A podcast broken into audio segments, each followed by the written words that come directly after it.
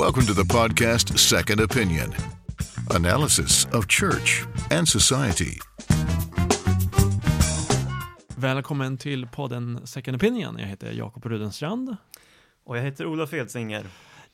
Inom delar av akademin har det under en tid diskuterats frågan om eh, könet som en social konstruktion, alltså att, att det upplevda könet är något helt annorlunda än det biologiska könet, alltså att man kan eh, att det upplevda könet är eh, beroende av sociala omständigheter eller, att, eller vad man upplever det som att man inte kanske hör hemma i ens biologiska kön eller att man inte ens hör hemma i något av de två eh, könen, alltså man, man varken är manlig eller kvinnlig. Och eh, den här frågan har ju också drivits på av, en, av ett antal intresseorganisationer som, som RFSL, RFSU, där Eh, Eh, man vill försöka införa ett, ett, tredje kön och nu har den här frågan från akademin och intresseorganisationer sipprats ner in i den politiska världen. Ett antal länder har, har infört eh, möjligheten att kunna registrera sig som ett tredje kön eh, och nu visar det sig att en en majoritet av riksdagens ledamöter kan tänka sig att utreda den här, den här frågan. Um, och eh, det är ganska så ironiskt, för att samma dag eh, som eh, den här frågan lyftes i, i en aktuellt sändning så hade vi precis medverkat i ett eh, riksdagsseminarium som tog upp hela de här eh, genderaspekten, genusaspekten egentligen, och eh, synen på forskning och synen på biologisk och kön, eller kön som en social konstruktion, Olof.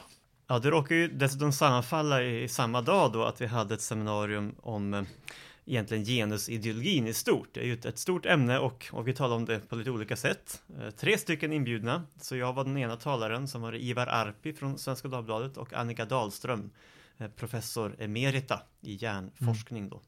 Ja, det var ett väldigt intressant seminarium. Annika lyfte ju fram skillnaderna hos, hos mäns och kvinnors hjärnor, att det inte bara finns de här uppenbara biologiska skillnaderna som man kan se, se med blotta ögat, men Eh, även, eh, även, även hjärnan som skiljer sig åt hos män och respektive kvinnor.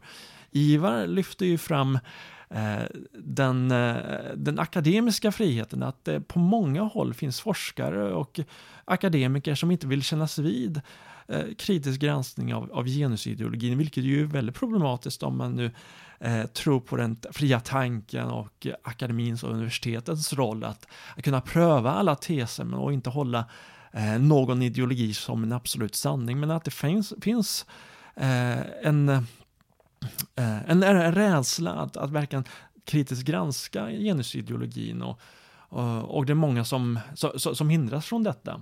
Och du lyfter ju fram att det inte bara hos intresseorganisationer finns någon form av aktivism i att med att föra in det här genustänket i, i statliga dokument, men att det redan på myndighets eh, finns en hel del skrivningar, bland annat att man inte bara ska förstärka traditionella könsroller utan aktivt motverka dem. Att eh, man också inom, eh, hos en del förskolor inte ska tilltala barn som, som pojkar och flickor. Och senast idag blev vi uppmärksammade på Stockholms läns landstings hemsida för ungdomsmottagningarna så, så står det inte att man riktar sin information till killar eller tjejer utan uttryckligen till respektive, de som innehar respektive köns biologiska könsorgan. Utan, eh, alltså det står eh, du som är slidbärare eller du som är penisbärare och så står det information också om transsex du som är transsexuell och så, och så vidare. Och på Naturvårdsverket så när man möter hemsidan så får man frågor om vem du är som, som söker information på hemsidan så kan man välja mellan man eller kvinna eller annat eller både och och, och så vidare. Vad skulle du säga är själva anledningen att vi som kristna ska eh, engagera sig och tänka kring de här frågorna? Eh, Ja, nej men dels naturligtvis för att det är en fråga i tiden och, och, vi som kristna har ju också alla anledningar att finnas med i det samtal som pågår eh, kring både politiska frågor och, och andra. Um, just när det gäller den här frågan så, så är det en, en, stor spänning också mellan det man kan kalla mer vetenskapligt perspektiv och eh, mer ideologiskt perspektiv. Och det är klart, från kristen bottnar jag ju i en tro på, på på sanning, på, på vetenskap som någonting viktigt som, som faktiskt kan, kan komma åt eh, viktiga saker av, av tillvaron. Eh, och då utmanas jag av en ideologi som i många lägen faktiskt struntar i både forskning och etablerad erfarenhet. Mm. Så. Mm. Mm. Och det här är också en fråga som berör väldigt många barn och unga, i, inte minst i, i skolans värld, vilket du har tagit upp i, i din bok När minoriteten tar majoriteten som gisslan. Eh, där man på många håll eh, för över en brottningskamp på många människor som inte eh, brottas med de här frågorna. Där man via eh, skolans värld eller via lagstiftning vill, vill föra över en, en, en, en, en eh, psykologisk eller en existentiell brottningskamp på de människorna. Genom att ens biologiska kön inte ses som ett, ett, en tillgång eller någonting man kan bottna i, utan mer som ett problem och ett hinder. Eh, och att eh, därmed så eh, blir ju ett stabilt och sammanhållet jag eh, knappast något eftersträvansvärt. Och på många sätt så, så, så, blir det här lite grann som en, så liknar det här nästan eh, som en religiös kamp som, som staten för in på en del av medborgarna eh, då via skolans värld. Ja men absolut, och, och det är väl om man tänker mer personligt så är väl det min djupare drivkraft att, att engagera mig. Men, men som sagt, eh, jag tror Gud står alltid på sanningens sida och, och, och när det gäller forskning och vetenskap så, så, är det våra bästa vänner också som mm. kristna. Så att där mm. blir det intressant. Men, mm. men talar vi konkret varför det här också är en, en viktig och, och, brännande fråga så handlar det om att jag ser det mycket som ett socialt experiment man ägnar sig åt eh, i särskilt då när vi talar om, om queer-ideologin. Mm. Och det var det som var mycket temat för, för seminariet eh, och det är väl också ett av, av att jag eh, tror att det här tankarna kring en ny lagstiftning är, är ganska olyckliga för man någonstans går utanför det vetenskapliga och, och talar vi om att lansera ett tredje kön så, så måste vi någonstans kliva ur den biologiska realiteten. Mm. Det finns inte tre kön helt enkelt. Däremot så mm. finns det olika grupper som av ett eller annat skäl inte känner sig eller rent biologiskt har svårt att platsa i ett givet kön. Men det är ju inte ett tredje kön, det är ju då en avvikelse från tvåkönsnormen vi talar om. Mm. Och det här var ju också ett argument som Elisabeth Sandlund lyfte fram i Aktuellt-sändningen som skedde samma dag. Frågor kring sexualitet och identitet ses ju som stora och viktiga frågor för inte minst många skolungdomar och studenter. Det är säkert en, en del eh, brottas med de här frågorna kring Eh, Eh, med sig själva och, och eller deras kamrater brottas med de här frågorna satt i relation till den eh, kristna tron, vad, den, vad kyrkan har, har, tyckt traditionellt satt i relation till en väldigt sekulariserad samtid. Men de, hela den här eh, Hela det här paketet att, att vara kristen, eh, skolungdom eller student eh, i en väldigt sekulariserad miljö är ju också i sig en, en, stor utmaning och vi ska alldeles strax prata med en representant för den kristna skolstudentrörelsen Credo som just arbetar med de här frågorna, att vara ett stöd för, eh, för elever och studenter eh, men också eh, vara en resurs för, eh, för eh, kristna skolor och studentgrupper i, i hur man presenterar evangeliet för sina eh, kamrater och på campus och på, och på skolan. Men innan, innan vi ger oss in i det samtalet så, så är det här ju frågor som, som inte minst du Olof har, har arbetat med väldigt mycket med och eh, då du har tidigare arbetat som, som generalsekreterare för SALT och det som är Evangeliska Fosterlandsstiftelsens ungdomsarbete. Och här på Evangeliska Alliansen har vi ju arbetat länge med de här frågorna som, som många studenter brottas med i, i eh, en sekulariserad miljö där Bibeln eh, ifrågasätts, kritiseras, eh, där den kristna tron upplevs som irrationell, där Guds existens eh, eh ifrågasätts och eh, man utgår väldigt mycket från en ateistisk norm. Eh, vad har du för tankar kring, kring det här? Absolut, jag har, har, väldigt många tankar, men det är helt klart så att det är en av de saker jag också hoppas att vi i SEA kan, kan jobba mer med, hur vi kan hjälpa just en ung generation att eh, finna en tro och också bevaras i sin tro. Eh, om bara för att ge någon liten glimt då av, av, vad jag tänker kan vara viktigt där, det kommer från en norsk forskare som heter Erling Birkedal Eh, som talar om att, att det är tre dimensioner egentligen som, som är viktiga när vi formas i vår tro. Det är den kognitiva, den emotionella och den sociala. Alltså vårt tänkande, reflekterande, eh, de emotionella känslorna, upplevelserna eh, och också den sociala gemenskapen med en del av. Och det är på ett sätt inte jättekonstigt att, att, att tron får näring från olika håll, men, men mm. det som kan vara lite extra intressant är väl att olika kristna miljöer tenderar att vara olika starka på de här. Mm. Vissa betonar väldigt mycket det kognitiva, tänkande, kanske apologetiken. Mm. Eh, andra betonar väldigt mycket känslokickarna, upplevelserna.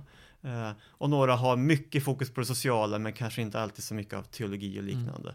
Eh, det Birkedal säger är ju att för att du ska få en riktigt solid tro så behöver du egentligen ha alla de här tre bitarna. Mm. Eh, han säger också en annan sak som är intressant och det är att om det som är så att säga viktigast för att forma din egen tro också erbjuds lika så att säga bra någon annanstans. Säg till exempel att du har haft starka erfarenheter och upplevelser av tron som, som, som har varit viktiga för dig, eh, så är det fantastiskt i sig. Men det finns ju också en risk att du kommer in i helt andra miljöer där du får andra känslokickar och då kan någon så att säga ta över trons roll och, och på ett sätt så kanske tron glider ut bakvägen bara för att den hade lite för smal grund. Mm. Eh, Och där tänker jag att det finns en, en viktig utmaning, alldeles oavsett vilken kristen kultur vi tillhör, att, att ha den här bredden, Mm. att både det kognitiva, det emotionella, det sociala får på Mm. vandra hand i hand. Eh, Så det tycker jag bara kan vara en liten sån här Mm. glimt av hur man kan tänka kring de här frågorna. Mm. Kan man inte också se det så här att, att i de områden där man har saknat vissa komponenter av det här, det, liksom det, det, det sociala eller det, det, det upplevelsemässiga eller det intellektuella, där finns ju risken att, att, eh, eller där finns ett större behov för oss som församlingar att engagera oss kanske starkare. Eh, jag tänker på den, den undersökning som eh, Karin Kittelman Fledsner hade lanserat vid Göteborgs universitet för ett par år sedan, där hon eh, kunde klart och tydligt påvisa att eh, religionsundervisningen i skolan förde fram en ateistisk norm. Att de som var troende i allmänhet och kristna i synnerhet eh, var irrationella, att det här var någonting som vi moderna människor egentligen borde ha lämnat bakom oss. Borde det inte där också finnas ett, ett starkare argument för att, att hjälpa kristna unga att att rota sig i, i ett eh, solidare intellektuellt försvar av den kristna tron, såväl som i alla de här andra områdena när det gäller eh, genuina kristna upplevelser, att det också finns ett socialt Mm. engagemang. Jag tänker i synnerhet på de, män, de kristna ungdomar som har känt sig väldigt utanför i en kristen miljö eller, Mm. eller, eller tragiskt nog mobbade i, i kristna miljöer. Nej men absolut, och, och som sagt, Birkedals poäng är att alla tre behöver gå hand i hand. Men sen finns det ju också annan forskning som säger att, att de som så att säga är svaga eh, kring det kognitiva, eh, rationella tänkandet, forskandet så, de är ofta ännu mer sårbara eh, i vår kultur. Faktum är att de som, som står starka där har ofta lättast att stå emot trycket, till exempel studentvärlden och liknande, där, där man möter helt andra världsbilder. Mm, mm. Så att det finns mycket att utmanas av i det här Mm, och jag tänker eh, bara för att landa den biten så, så, så är ju egentligen det största och första budet som Jesus ger oss eh, är ju någonstans en sammanfattning av, av det. Kan ju vara en god strategi också för vårt barn och ungdomsarbete. Du ska älska Herren din Gud av hela ditt hjärta, av hela din själ och av hela ditt förstånd. Där har vi faktiskt alla tre dimensionerna. Så Precis. att det är inte mer revolutionerande än så, men, men just därför behöver vi påminna oss om det som Mm. en bit också in i vårt ungdomsarbete. Mm. Låter väldigt spännande och nu alldeles strax ska vi fortsätta det här intressanta samtalet med Simon Wennstig från skolstudentorganisationen eh, Credo. The Swedish Evangelical Alliance. Christian faith and public opinion. Välkommen till podden Second Opinion Simon. Tack så mycket. Ehm, du arbetar ju sedan ett par år tillbaka som assisterande generalsekreterare på, på Credo. Eh, vi hade hoppats att Christian skulle kommit in men han blev, han blev sjuk helt plötsligt. Så eh, jag hoppas att du kan göra din bästa Christian-imitation. Precis, precis. Det är en del av mitt jobb att hoppa in när han inte kan. Det känns kul att vara här. Yes, det är väldigt roligt att ha dig här. Vi, ehm, Tack. ser, jag ser verkligen fra- fram emot det här samtalet. För, ehm, och eh, dels för att vi, vi också delar loka- lokaler här i, här i Stockholm. Vi, eh, man kan Stämmer. nästan säga att vi är kombos. Ja, precis. Skambos har jag hört det heter till och med. Skambos? Ja, Precis, kanske det, kanske det. det är, när man ens pratar om studentarbete så det är ju många som bor i kollektiv så vi kan säga att vi har ett, ett kristet kollektiv här kristet på, kollektiv. på kontoret. Jag gillar det. Yes. Uh, nåväl. Ehm, ja, men sam, uh, anledningen till att vi- vi bjuder in dig, bjöd in dig till, till podden var att vi eh, skulle gärna vilja prata lite mer om de här frågorna som, som eller utmaningarna som många kristna skolelever och studenter möter i dagens Sverige. Men innan vi kommer in på de frågorna, jag skulle kunna bara berätta lite grann om hur ni arbetar i Credo. Ja. Eh, vi arbetar idag kan man säga i huvudsak utifrån de större studentstäderna i Sverige. Så vi har fältarbetare i Lund Eh, och Göteborg, eh, Stockholm eh, och Umeå och Luleå. Och utöver det så har vi också grupper dit vi åker och hälsar på. Ehm, och det vi gör egentligen, det är att på alla sätt, olika sätt, vi tränar och stöttar ledare i olika grupper ehm, eller studenter, skolungdomar på olika skolor som vill leva ut sin tro i sin vardag. Ledarträning för skolungdomar och studenter för att de ska kunna uh, fungera bättre och liksom ha, leda sina föreningar, leda sina grupper i, i sin vardag. Men på vilket sätt uh, fungerar de här credogrupperna som finns på skolor och och på högskolor och universitet runt om i Sverige. Ja, jag eh, kan bara återkomma till det du säger, ledarträning. Man, man, kan också kalla det lärjungaträning. Alltså mm. det vi vill, det är mm. egentligen mm. inte något annorlunda än vad alla andra kyrkor, församlingar eller kristna organisationer vill. Vi vill göra lärjungar, vi vill forma lärjungar. Skillnaden är att vi gör det i skol och studentvärlden, som vi tror är ett väldigt specifikt, unikt eh, missionsfält. Eh, och så som det fungerar och ser ut idag är på en massa olika sätt Eh, historiskt, precis som det var kanske i, i det kristna Sverige, så har vi haft ett, ett väldigt rikt föreningsliv och det var så också det såg ut på universiteten eller skolorna. Vi hade kristna studentföreningar eller, eller skolgrupper som organiserades som föreningar. Eh, idag, kan man säga 2018, så en Facebookgrupp eh, motsvarar en förening. Eh, det ser annorlunda ut, men det är i princip samma sak. Eh, ibland är det gemenskaper som tillsammans försöker visa på Gud, som tillsammans försöker leva ut sin tro, sända ut varandra i, på sin skola eller på sitt universitet. Ibland är det enskilda eh, studenter, skolungdomar som vi träffar och stöttar och hjälper för att de ska kunna följa Jesus på sin skola. Så ni fungerar lite grann som ett verktyg också för den lokala församlingen att kunna använda er, sig av av er erfarenhet och er expertis eh, till att kunna hjälpa liksom tillsammans sina, sina medlemmar, sina ungdomar, studenter som, eh, som befinner sig i den här specifika miljön under ett visst antal år. Absolut, vi vill jättegärna se oss själva som ett komplement till församlingen. Vi tror absolut inte att en, en credogemenskap eller credogrupp kan, kan ersätta en församling, men vi tror att det finns ett värde i att arbeta där vi gör, eh, på skolor på universitet och att hjälpa studenter och skolungdomar att själva eh, få eh, engagera sig själva, få göra saker. Mm. eh, och att det inte är en organisation utifrån eller en församling som kliver in och gör någonting, utan vi vill på olika sätt stötta de missionärer som redan finns där skolungdomarna och studenterna. Eh, kan du beskriva några av de sätt som, eh, som de här skolungdomarna och studenterna arbetar för att ge, göra Jesus känd? Ja, eh, absolut. Alltså, till att börja med, en grundläggande sak i credo, det är ju det här att, alltså, att vara kristen, det är ju ingenting ovanpå allt annat. Du är inte mm. student eller, eller skolelev eh, eller lärare för den delen och sen är du kristen ovanpå det, utan att, att följa Jesus, det påverkar ju allt det vi gör i vardagen, i våra möten med vänner, i våra studier. Så en viktig del i vårt arbete är att hjälpa studenter och skolungdomar att se eh, med något som kallas en ett, Christian mind. Eh, John Stott, en känd teolog, använder det här begreppet. Så hur, hur påverkar min tro eh, det jag studerar? Hur ska jag förstå psykologin? eh, som jag studerar, hur ska jag stå, förstå matematiken utifrån så som jag tror att världen är eh, funtad, eh, mm. uppbyggd.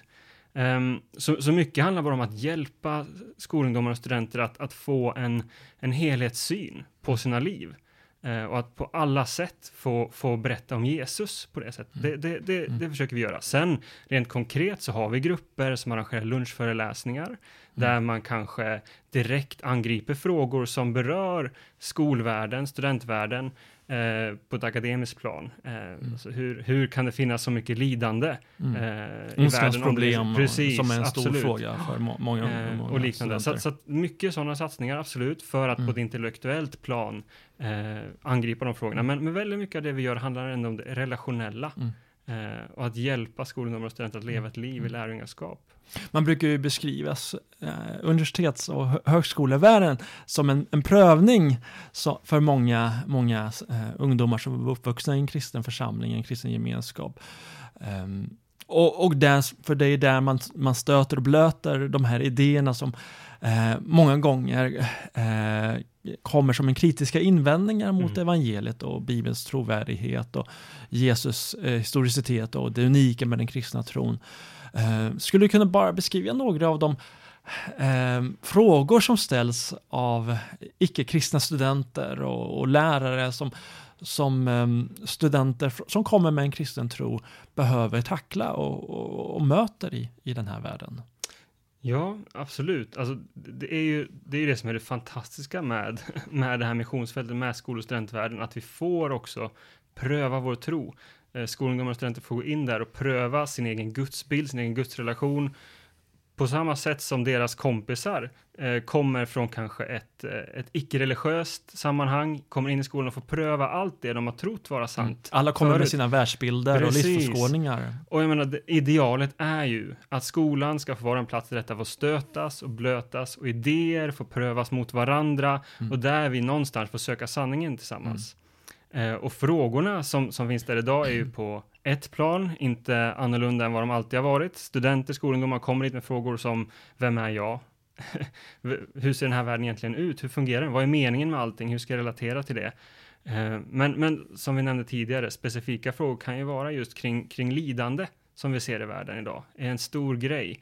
Eh, vi har också frågan om miraklerna. Hur Mm. kan vi förstå dem? Eh, för det är ju ändå så att skolan har eh, historiskt sett präglats av en, en väldigt sekulär världsbild, en naturalistisk världsbild och allting som inte överensstämmer med den i den kristna tron blir ju ifrågasatt. Mm.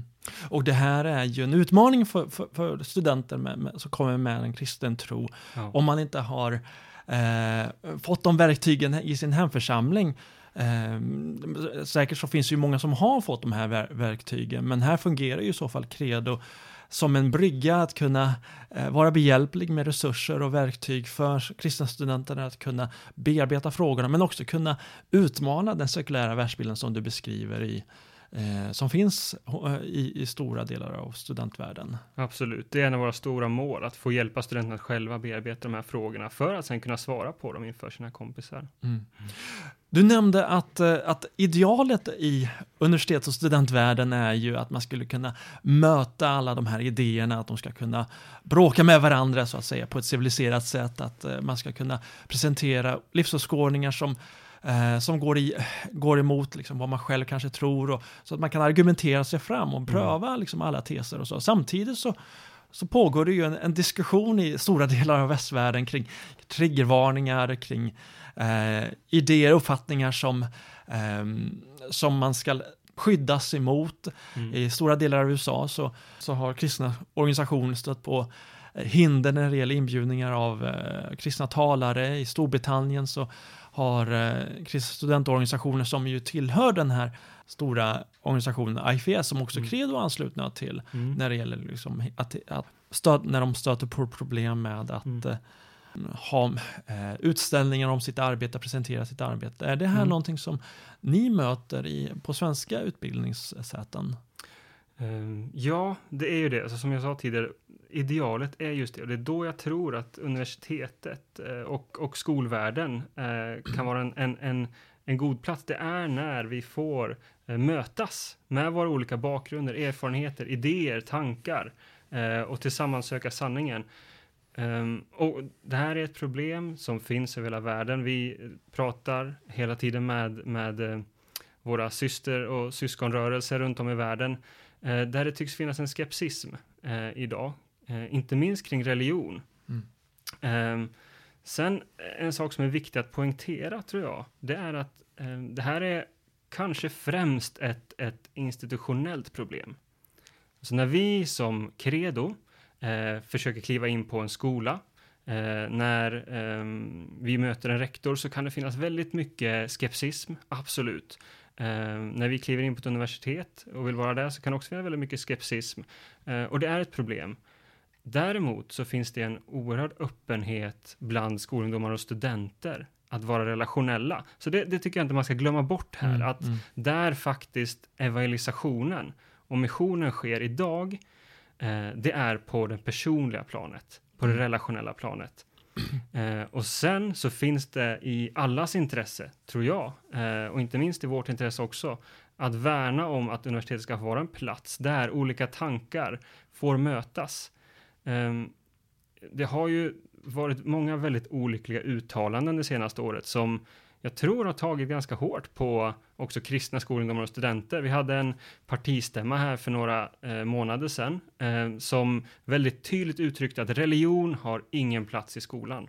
Mm. Eh, och det blir förstås svårt då för studenter, skolungdomar som själva inser att, nej men, ska jag följa Jesus? Det påverkar mm. ju allt det jag gör. Mm. Eh, inte minst mina studier. Mm. Eh, det går liksom inte att få ihop en sån världsbild där religionen, det är det jag tror på, där min egen världsskola inte har någon bäring mm. in i studierna.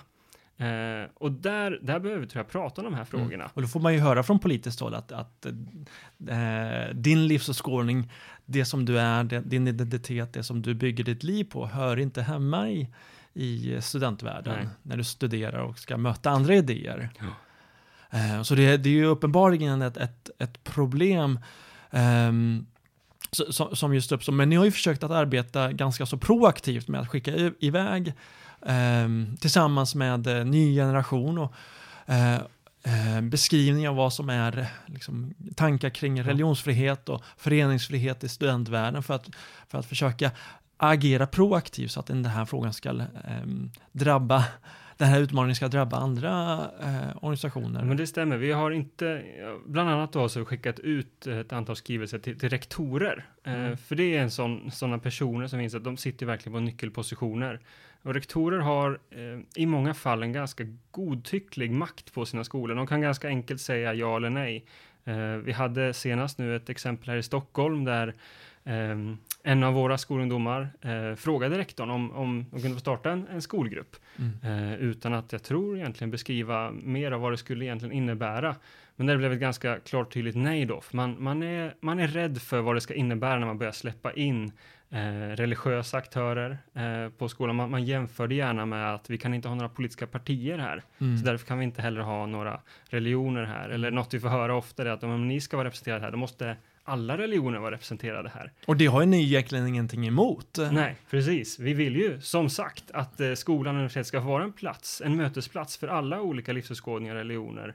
Eh, men det tycks idag finnas en tendens att vilja skydda skolungdomarna och studenterna istället och det, det tror jag är problematiskt.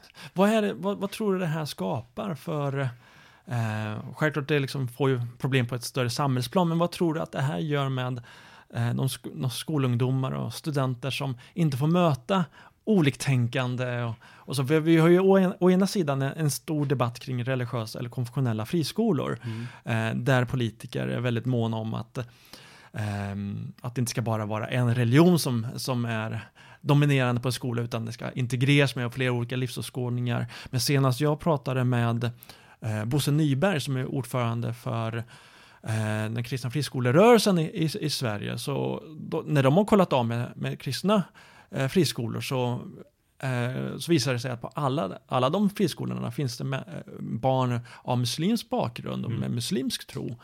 Eh, men vad tror du att det här skapar om det på vanliga kommunala skolor skapar någon form av hinder för, för föreningar eller grupper med eh, med olika religiösa övertygelser och inte minst kristna. Ja, alltså om vi börjar med den här teorin att, eh, att religionen är på väg ut ur samhället, den, den har ju motbevisats. Mm. Eh, det som kanske på många sätt har jobbat efter här i Sverige, just att men religionen det är bara en tidsfråga. Eh, snart så är, är det borta. Mm. Det är ju inte så. Den är, den är på framfart i världen. Mm. Eh, och vi lever i ett globalt samhälle när svenskar eh, tar sig utomlands genom jobb, genom resor, så möter man ju religion, livsåskådningar. Eh, det finns ju där ute. Mm. Om vi då skyddar våra barn från att faktiskt få möta detta och få lära sig om detta. Eh, jag tror att det kan, kan få väldigt problematiska konsekvenser. Det finns ju ett, ett eh, jag brukar höra det från eh, utländska diplomater ska ha sagt då om svenska diplomater att det finns inget att prata med dem om. För att de, de, de kan inte prata religion. Nej, de kan inte eh, prata livsåskådningar och andra idéer, utan det är liksom um, banala saker. Precis, precis. Och jag tror det ligger, det, det, kan ligga någonting i det, att vi Mm. lär oss inte detta. Vi, vi skaffar oss inte ett språk för det och vi skaffar oss definitivt inte förståelse för att möta annat Mm. än, än det sekulära. Mm. Eh, och det tror jag på sikt kan bli väldigt problematiskt. Mm. Det här är intressanta frågor som vi säkert kommer komma tillbaka till och vi, vi är glada att, eh, som jag sa tidigare, eh, vara kombos med Credo här i Stockholm eh, när det gäller kontorslandskapet Ömsesidigt. och ömsesidigt.